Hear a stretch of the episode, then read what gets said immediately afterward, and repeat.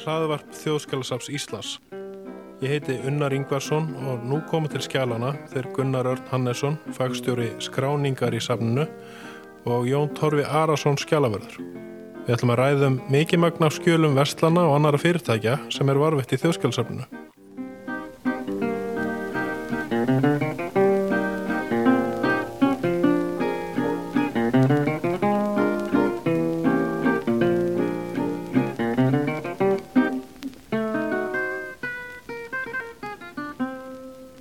Hér fyrir framann okkur er stór og þykk bók mert Vestlun Jófríðar Guðmundsson í flati á breyðaferði. Jón Torfi, er þetta dæmiger Vestlunabók frá 19. öld? Já, það má alveg segja það. Þetta er höfubók og höfubækur voru aðalbækur hverjar Vestlunar. Það er þannig að í, í hverja höfubók eru skráð viðskipti allra viðskiptamanna sem áttu viðskiptum við hverja Vestlun og þannig getur við séð nákvæmlega hvað keift var inn og hvernig var borgað fyrir það og þannig getur við séð undir hverjum viðskiptamanni alltaf sem hann kaupir inn til búsins og hvað eina sem hann leggur inn. Í jafnvel viðskipti á milli manna ef að, ef að afiðin skuldaði einhverjum frænda sínum að þá var það jafnvel gert upp í þeirra viðskiptareikningum. Og allt þetta kemur fram í hverju höfubók Akkurat, og er þetta, Gunnar, er þetta sem sagt svona bækur til á öllu landinu og frá hvað tíma er, hvernig byrja þessi þessar heimildir? Já, mér var reyndar hugsað til þess sko ef að, ef að Veslunaferðir Ísletning í dag færu svona fram eins og var á þessum tíma þá er það ansi langa ræðir í bónus sko. Þetta skrániður alla vöru sem þú keftir og en, en mennum var uppálagt að gera þetta. En já, þetta, sko, við erum með bækur af öllu landinu. Það sem er elst, það eru bækur úr konungsvesluninni síðari sem starfaði hérna 1774 til 1787 og það er tilhæra vestfjörðum, það er að segja dýrafjörðavestlun og Ísafjörðarkaupstað og svo er hérna Bús og Pós á Ísafjörði og það er svona frá lokum átjóndaldar og svona inn á fyrstu tvo áratugji þeirra nítjóndu. Það vekur eftirtækt svona almennt hvað er ofbúslega mikið af vestlunabókum einmitt frá Ísafjörði sem hafa varðveist í í þessu safni. Og þær eru jafnframt líka með þeim eldstu og mann er verið svolítið starfsýnt á það hvað hafi verið mikil umsvið á Ísafjörði svona fyrir 150-200 árum. Hvaða safn er þetta eiginlega? Já, sko, þetta var, þetta hefur svona síðustu árin og áratugina verið kallað Hagsöðusafn en ræturna líka til þess að Jón Þorkelsson sem var fyrsti þjóðskjala vörður íslitinga hann sem sagt var þjóðskjala vörður frá aldamótum og fram til 1924 þegar hann lést hann hafði forgöngu um það og mikið náhuga því að, að hérna sapna þessu saman og skrifaði mönnum og baði mönnum það að koma svona vestlunarbókum og vestlunarskjölum í sapnið og svona miða við það sem við erum með þá verður ekki betur síðan að menn hafi tekið mjög vel í þetta. Já, akkurat, Hva, hvernig er þetta að nýta þessi Jóntorfi, hvernig Já, það sem að blasi við, við mér er kannski uh, svona persónu saga eiginlega sko. Eða það er að miskosti það sem að ég hef strax áhuga á í tengslum við þessar heimildir. Og einmitt kannski vegna þess að að fólki sem þarna byrtist okkur það eru engin önnur skjöl til um mörg þeirra. Þannig að þarna eru bara almennir borgarar því allir auðvitað þurftu að vestla og til búsins og selja sínar afurður og allt framhættu því að þarna getur þú séð þó að, þó að sögurnar á hverju og einni blaðsíðu séu kannski ekki íkja stórar þá getur þú séð hvað fólk var að gera frá deg til dags. Stundum auðvitað kannski er meira á bakvið hvert nafn en það er að segja að það er kannski bóndin sem er skrifaður fyrir reikningnum en það er einn og milli hægt að finna alls konar uh, tilvísanir sem að kannski tengjast þá uh, fólki sem hafa minna umleikis. Og svo er þetta bara spurningum áhugasvið. Eins og í þessar bók sem við erum með hérna fyrir framann okkur að þá erum við með verslun í Flatey á Breiðafyrði og Flatey og Breiðafyrði er náttúrulega ekki verslunarstaður í þessum skilningi lengur og þetta er bara, þetta er, þetta er horfið og við hefum mörg dæm um, um svona verslanir sem við uh, varvitum skjöl eftir hér að þetta er einfallega bara verslunarstaðir sem eru horfnir og kannski uh, í sumum tilfellum er þetta einu heimildan sem við höfum svona um um svona fábrotna daglega líf get ég trúið Þannig að svo náttúrulega eðlilega er hægt að sjá hvað viðkomandi manneskja kefti mikið af sigri eða kaffi eða hverju sem er þannig að það er þá ventarlega hægt að sjá neysluna einhverju leiti á heimilunum og húsanlega geta einhverjir hagfræðingar eða sakfræðingar reiknað út meðal neyslu eða hvað gunnar? Já, svo er þetta svona ný vít í því að gæjast inn í svona kannski neyslu, munstur og efnismenningu forfæður okkar. Við getum kannski komist að því hvað langam okkar eða langafi voru að vestla sér. Ég vil sögðu einhvers ættargrips Já, eða það getur verið get, getið um eitthvað, kaup á einhverju tilteknu og, og hérna þetta rekja það í, þá, í, til vestunabóka en við lendum nú í því þegar við tókum við að skrá þetta sapn sem er rauninni er um 300 aðskilin sapn Hagsugusapni er bara sapnheiti yfir ymsar skjálabækur vestlana og fyrirtækja frá fyrir tíð. Að það var sko mikið magn bóka svona alveg upp undir þúsund bækur sem að var ekkert hægt að átta sig sko hvort var í haus og hvort var í sporðu Hvað verslun þetta væri ég vel Já, þeir náttúrulega, kaupmeirinni þeir voru náttúrulega ekkert að skrifa það inn í bækurnar. Þetta náttúrulega, þetta bara tilherði þessum verslunum.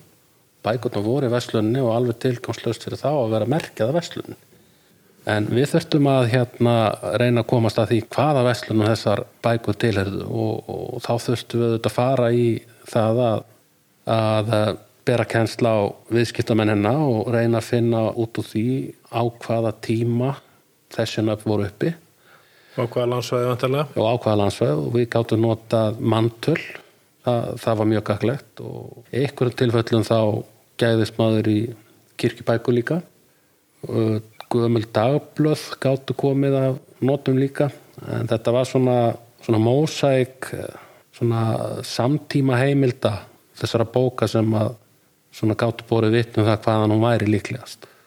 Og það er einmitt þannig að menna alltaf til dæmis að vilja svona sjá hvað forfæðar voru, voru að kaupa og þá hérna langam og langafið eða jáfnveil lengra þá kannski veit fólk ekkert hvað það bjó á landinu árið 1870 Nei, þetta er þetta er rannsókn eins og annað að finna út úr því hvar einhver bjó og hvaðan og síðan í framhaldinu þetta vinna eitthvað út frá því en hvernig hérna þetta er ekki bara verslanir það Nei, þetta eru, þetta eru uh, ansi fjölbreytt flóra fyrirtækjum. Mest þetta svona sem við getum kalla bara beinharðar verslanir. Það er að segja sem seldu vöru og, og, og, og keftu uh, sem sagt og, og keftu inn sem sagt við á, á fæti og annars líkt en svo í mörgum tilfellum er, er, er þetta uh, útgerðarfélag líka.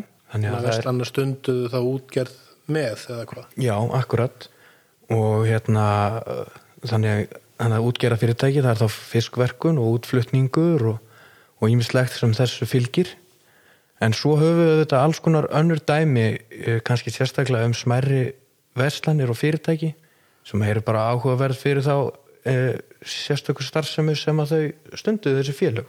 Og kannski einhver yðinnar starfsemi eða eitthvað slíkt? Eða... Akkurat, við erum með til dæmis klæðaversmiðuna yðunni e, sem starfaði upp úr aldamóðunum 1900 og við erum með kólanámi félagi Surt, reyndar ansi lítið sapp, e, klæðskera, við erum með ferjur, dagblöð ímislegt.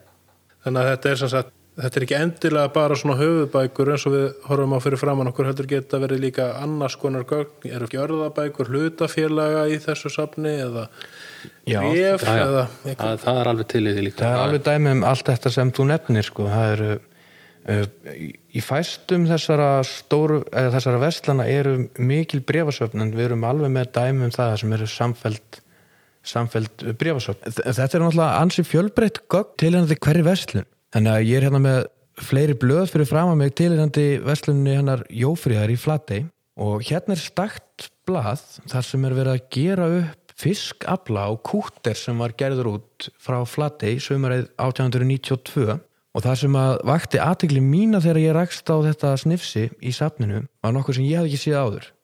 En það eru fiskmörk. Já, bara svona eins og, og söðfjörnmork þá.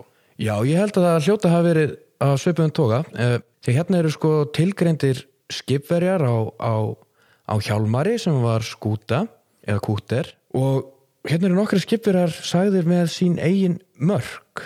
Uh, hérna lesi Röggvaldur hann var ekkert föðunafn uh, nefnt þarna. Hann er með markið Kría.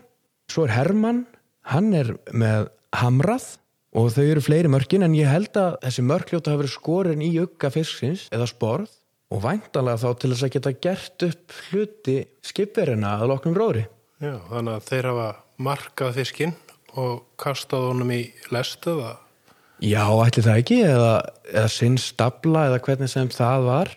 Og hérna eru fleiri nöfn, þau eru reyndar ekki sko, verið svona ekki verið öll áhöfnin því að hérna eru bara fjórir kallar nefndir. Og eitt þeirra er uh, Pétur Kult og hann svona vakti aðtökli mína eiginlega bara fyrir nafnið að það væri kannski auðvelt að grenslast fyrir um svona nafn í öðrum skjölum veslunarinnar. En hérna á þessu blæði getur við séð hvaðan Pétur var að fiska og hann hefur verið að fiska hérna í sex róðrum þetta sumar uh, að minnskosti 2009 stórfiska eða þar að segja 2009 pund af stórfiski held ég þetta eigi alveg örglega að vera og þá er að sjá hvort að við finnum hann Pétur ekki bara í höfubókinni sem við nefndum hérna áðan og getum átt að okkur betur á því hvernig þetta sumar var hjá kallinum. Já, þetta virkar talsver veiði fyrir mann sem er að veiða á færi. Já, það er hljóma þannig. Eh, Fyrst er ég rakst á þetta blað þá var ég nú vissum að þetta væri sko ennþá meira. Þar sé þetta væri 2009 stórþóskar í þessu tilfelli. Já, fleiri tonna fiski.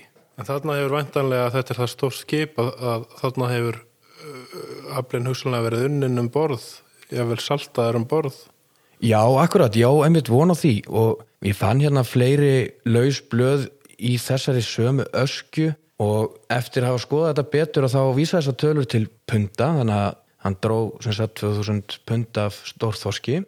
Og þá tölu er hægt að framreikna með hjálp hagskinu þannig að pundið var hálf kíló og heildarafli skipsins er með þessum framreikningi þegar það búið að gera ráð fyrir sagt, uh, uppreikna flatafiskin í blöytan mm. að þá hefur báturinn fiskað alls 33 tonn upp úr sjó þetta sömar og þar af uh, dró Pétur okkar 2,5 Já, þetta hefur nú verið bara ágætt sveiðir það ekki? Hvað? Jú, allir þetta sé ekki bara svona alveg, alveg ágætt ég veit ekki hvaða mæli hverða maður á að leggja á það Og hvað gerði Pétur svo við fiskin? Hann sagt lagði fiskin inn hjá Jófríði og við getum séð hérna bara á hans síðu í, í höfubókinni okkar hvað hann fekk í kaup Hann hefur ekki verið á neina förstum launum, heldur fekk hann bara greitt vantarlega, sennilega, það var nú allur gangur á þessu víst, en hann hefur sennilega verið bara á hlut, sem við kalla. Já, hann var það sem að ásand þessum fjórum sem að voru tilgreindir með fiskmörkin hérna á þessu bladi á hann þeir voru sem að er þarna kallað partamenn eða partmenn Já, já. þannig þeir eru ekki ráðnir sömu kjörum og kannski reyndari karlar Já. sem þarna voru eh, sem voru þá á förstu kaupi Og síðan fekk náttúrulega skipið sinn hlut, að ég vel hluti, skipstjórn meira en vennilegir hásetar. En, en Pétur fekk minnstu kosti eitthvað út úr þessu. Já, við getum séð hérna á hans síðu í, í, í höfubóki ófriðar árið 1892 getum við séð í innleggsdálkinum hans að í lokvertíðinar 22. ágúst að þá lagt inn í hans reikning 17 krónur og 57 eirar fyrir premju á hjálmari. Þá er gaman að- skoða hvað hann hefur keift sér. Efst á blaði, sennilega fyrsta vestlunarferðin þetta árið, þá kaupir hann sér naglbít 22. februar og vír. Í apríl að þá er hann að, er hann að greiða eitthvað viðskiptaskuld til Eyjóls. Júni þá kaupir hann sveskjur og 8. júli, það er eftir að vertiðin byrjar, þeir byrjuð í mæ, að þá kaupir hann sér uh, eitthvað sem að stendur hérna ein stormhúa, Já. 2 krónur 20 örar. Hann er, það kannski verið leiðenda viður til sjós, hann er þurft góða húi. Já, nákvæmlega, stormhúi. Tvær krónur segiru. 2,20 og í sömu ferð þá kaupir hann líka harmoniku. Já, ég veit ekki. Hann hefur kannski hugsið að stýtta mennum stundir um borði í bátnum. Já, Hvað ég, kostaði harmonikan? harmonikan kostar 8 krónur. Ég hef bara sömar hýran hann að minka. En þetta er svona, svona getur þetta, já, þetta er eiginlega bara svona, nú lifnar hann við, Akkurát, Pétur. akkurát. Það er kannski að skemmtilega við svona heimildir þær, þær kallast á að tala saman og þú fær einhverja mynda af þessum manni sem að eigðir sömarhýrunu sinni í harmoniku og sjóhatt. Og maður auðvitað bara velti fyrir sér í leiðinni hvað varðum þessa harmoniku Fólk hefur eitthvað verið að skoða það einmitt hvort þið geti rakið eh, muni sem eru til á söfnum, svo á þjóðmínasöfnu, til semst hvenar þið nákvæmlega voru kiftur og þá hvaðan ég vil. Þannig að þetta rekja jáfnvel framleiðandan á einhverju öskju, einhverju slíkum. Verslanir hljóta að kaupa en vörur einhver staðar frá þannig að það er þá vendalega líka tengsl við útlönd þá vendalega kaupmenni í þessum tilfellum eða. Byrja eins og þetta heitir í dag. Akkurat, alveg klárlega því að í sömu vestlana uh, höfum við varveittar faktúrubækur sem eru, sem eru reikningar við sem sagt Erlend og Byrkja Já. og bref sem uh, snerta þessi viðskipti Og svo er eitthvað fjölbreyttar bækur, við erum með þessum kvöldum höfubækur, kontrabækur, viðskiptamannaskrár, hvað eina sem að, hérna, þetta er kannski svolítið flókin heimur. Já, hann er það, sérstaklega í fyrstu. Við, þegar við byrjuðum á þessu verkefni þá var nú svolítið erfitt eins og Gunnar nefndi að sjá haus og sporð svona í sundur. En svona þegar á verkefni leiða þá fór maður að átta sér betur á þessu og, og, og fyrir mig sem er nú ekki, ekki mikil bókari eða bókaldari að þá var þetta alveg ótrúlega skemmtilegt. Já, í, það. í hverju vestluna þá ertu með já, þetta verður keimlíkt á milli vestlana því að það er bara ákveð fyrirkomulag svona heilt yfir landi sko þannig að í hverju vestluna þá ertu með með vestluna dagbók eða klatta og þar eru bara færið svona þetta er bara svona tímalína. En að þú unnar eitt fyrstur inn á kontor á mótni og gunnar þú ert næstur þá getur bara séð í hvaða röð viðskiptamennindin mæta. Og svo að loknum vinnu degi Vestlega þjónsins að þá er þessar upplýsingar færðar inn í, inn í höfubækurnar og, og, og þannig verður þessi samfella til. Og svo eru fjölmarkar aðrar bækur sem að einnig tala við þessar höfubækur Akkurat, Hvernig er staðfesti viðskipta vinur en að þetta sé rétt fært inn? Hvernig gæti hann sönnur á það? það er svo- svolítið misjöft á sumum stöðum að þá voru þessar kontrabækur viðskiptamanna sem verður þess að sagt, Mót þá bækur? já, það verður einu mótstandandi því sem skrifað er í höfubók Akkurat. Þannig að, en ég er ekki alveg viss um hvort að það og ég held að það nú ekki týðkast endilega um all landið Ekki held ég mikið hjá smærri veslunum. Nei, En Thomsen og nú stóra veslanir, þar held ég að það hafi kannski frekar verið algengt sko. Þannig að sumstaðar þurftu átækir bændur og búalið bara að treysta kaupmannum fyrir sínum Já, eins og við gerum öll í dag. Í dag. já það er akkurat málið maður þarf að gera það, en, en sko en, þetta er, hefur allt sinn svona lögformlega sess enga síður Þannig að, þær eru lög, lögbundnar bækurnar og menn þurft að fá þær vottar Já. og, akkurat, þannig að þær eru sko innsiglaðar og gegnum dregnar ef allt Já. er eins eins og það á að vera samkvæmt lögunum sem þýðir það að þá er sem sagt, þá er staðfest af síslumanni og hans innsigli er þrygt aftast í bókina og svo eh, þráður dregin gegnum alla þetta þannig að þú getur séð þegar að bætin síðum eins og kosti. akkurat, Já, og kaupinum bara náttúrulega að skrá viðskipti til bókar sko. og, og það blasir við manni svona mjög agað viðskipta umhverfu á þessum tíma. Það eru margar ólíkar gerðir af bókum hugsaðar til ímisra þátta í starfseminni.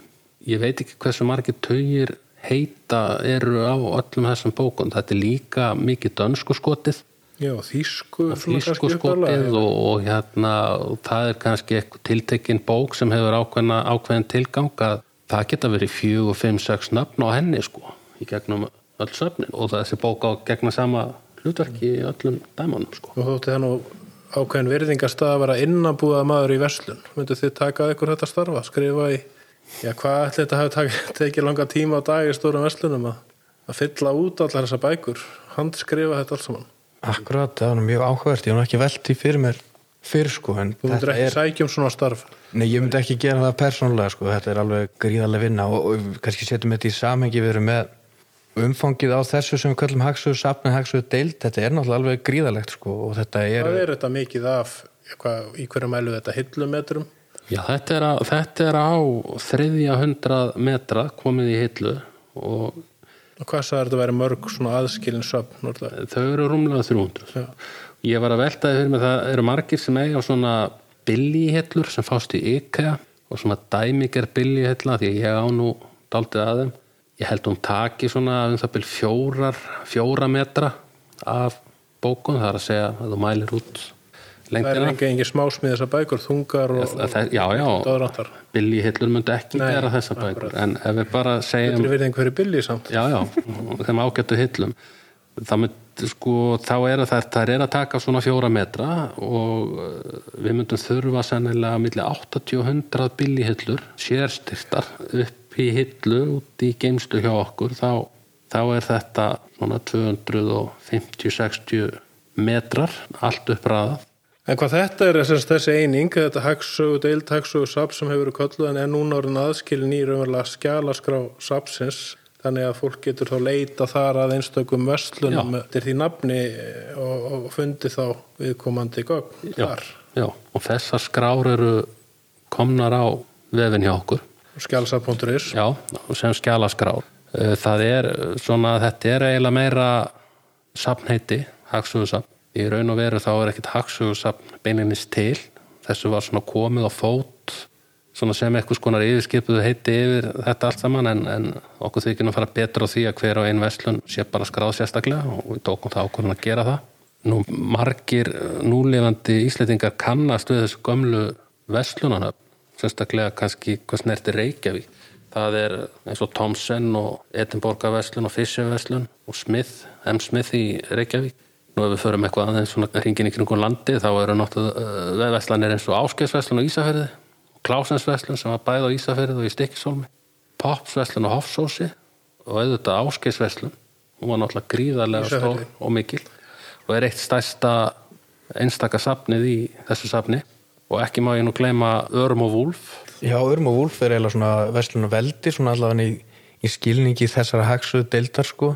Já, þau voru með uh, útibú alveg allt frá Djúbavogi og norður á og í Skjálfandaflóa, voru á Flatey í Skjálfandaflóa og þetta eru ansi margir staðir og, og heilst þetta safn og merkilegt að því leiti sko. Það vestlunumveldi tegði sig alveg eftir, nýður eftir östfjörðunum líka sko. En Þetta er náttúrulega dönsk verslun í sér.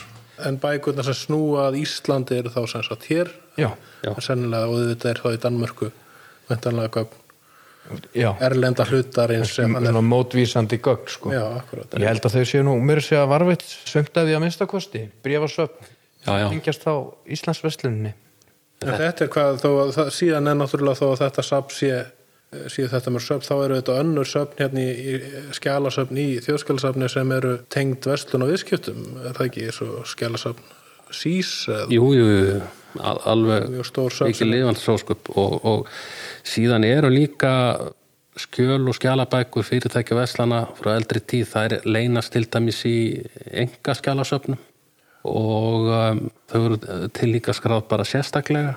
Nú svo eru við auðvitað með mjög mikið af verslunum sem hafa farið á höfuðið og til eru þá þrótabúum og við reyndum nú að skilja það svona frá og um, þarna voru einmitt verslanir sem hafðu kannski hrunnið sitt skeið eða bara spenntu búan hátt nú allavegana. Það virðist vera að margar af þessum verslunum það náða að lifa mjög lengi og það er líka, má alveg taka það fram sem að kannski flesta grunar að megnið af þessum verslunum sem voru stopnaðar hérna á 19. öld, þetta, það voru danskir menn sem stóðu fyrir þessu. Kjölfar þá einogun og verslunar koma raunverulega danskir kaupmenn Já.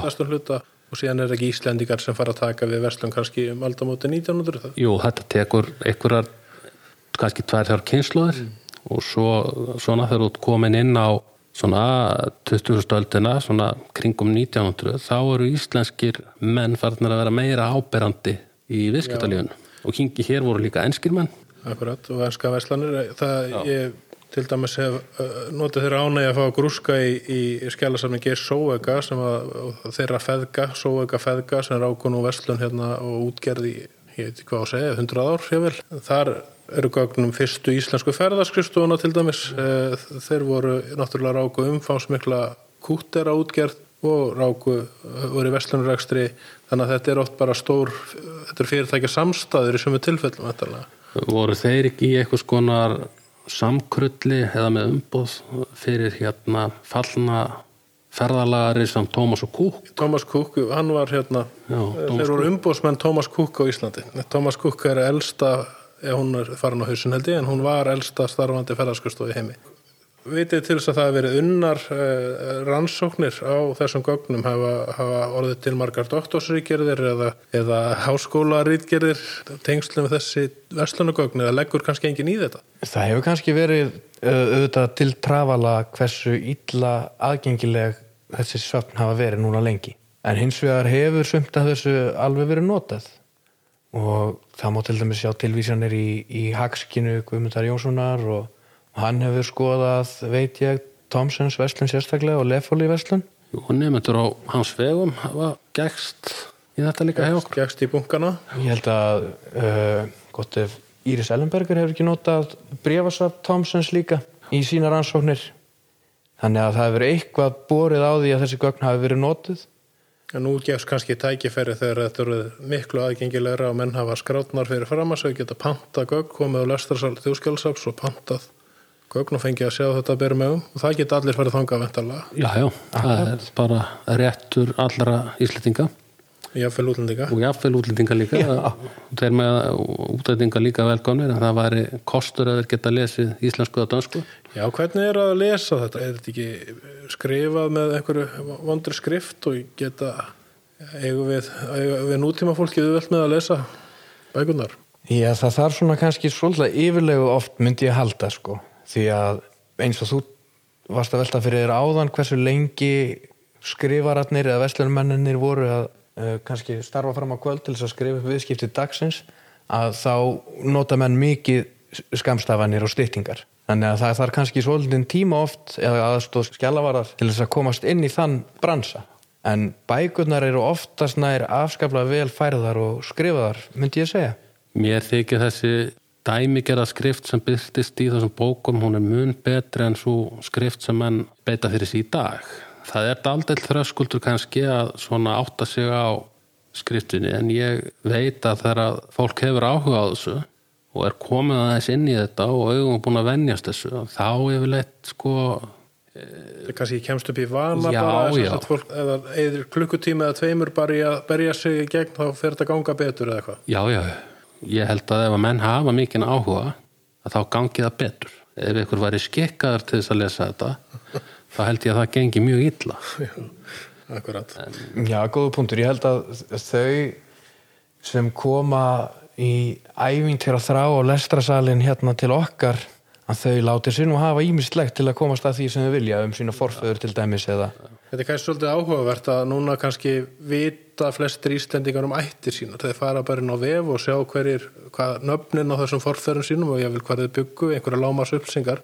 En þú kynnist ekki fólkinu þannig, er það? Þú hérna, þarft að finna aðrar heimildir til að reyna átt að því hver þetta raunverulega var. Hvers megnuður var hann og til þess höfum svo margvíslegar heimildir í skjálasöfnum, ekki bara þjóðskjálasöfni heldur, ég er að skjálasöfnum og öðrum stofnunum, kannski bref, kannski, já bara hvaðina og til dæmis vestlunabökur. Akkurat Þannig að þetta bætir inn í þessa mynd sem við getum sótt okkur til dæmis um okkar forfeður eða bara einhvern, einhverja persóna. En þetta semst er hægt að, þessi söfn er hægt að skoða í, í hérna, þjóðskjálasöfnu og, og það er hægt að, að, að skoða skjálaskrár þessara safna á webnum skjálasaf.is og eh, ef menn hafa áhuga þá er hægt að panta einhvað á lestarsalinn. Þetta er afskaplega áhugavert. Ég þakka ykkur fyrir og, og hvet fólk til að skoða þessi safn á webnum okkar skjálasaf.is. Takk fyrir.